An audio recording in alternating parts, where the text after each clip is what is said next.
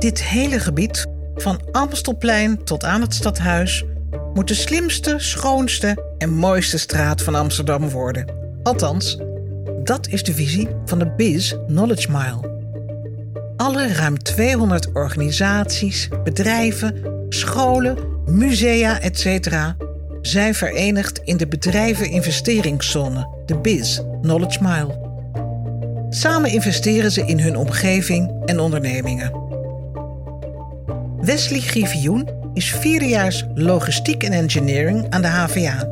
En hij studeert af bij de Biz Knowledge Mile op het onderwerp microhubs.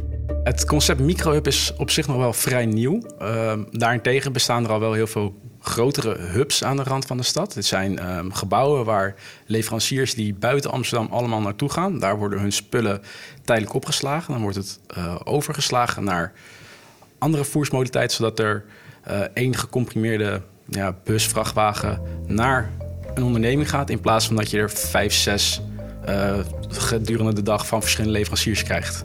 En een microhub is hetzelfde concept, maar dan wat in het klein en meer gebiedsgericht.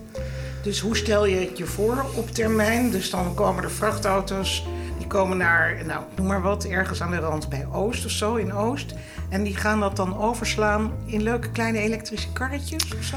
Uh, ja, dat zou een eventuele mogelijkheid kunnen zijn. Het kan ook dat uh, misschien de huidige bestellingen niet al te groot zijn. Dus dat je het op locatie hier in de microhub tijdelijk op kan slaan... en dan weer over kan slaan op kleine elektrische voertuigen. Misschien wel elektrische bakfietsen, et cetera.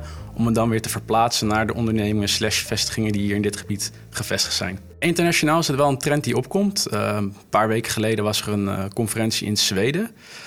daar sprak ook een stedenbouwkundige over uh, het verwijderen of het minder maken van auto's in straten. Dus je ziet ook dat uh, in landen zoals Zweden, Canada, India zijn ze er wel mee bezig. Uh, het staat nu nog in de startblokken, maar het is wel een, een trend wat zich over de jaren verder gaat verspreiden. Ook als je kijkt naar grote steden zoals Londen en Parijs, zie je steeds meer dat er logistieke consolidatiecentrum, oftewel hubs, aan de rand van de stad komen om zo die goederenstroom vanuit daar gecomprimeerd weer de stad in te laten gaan.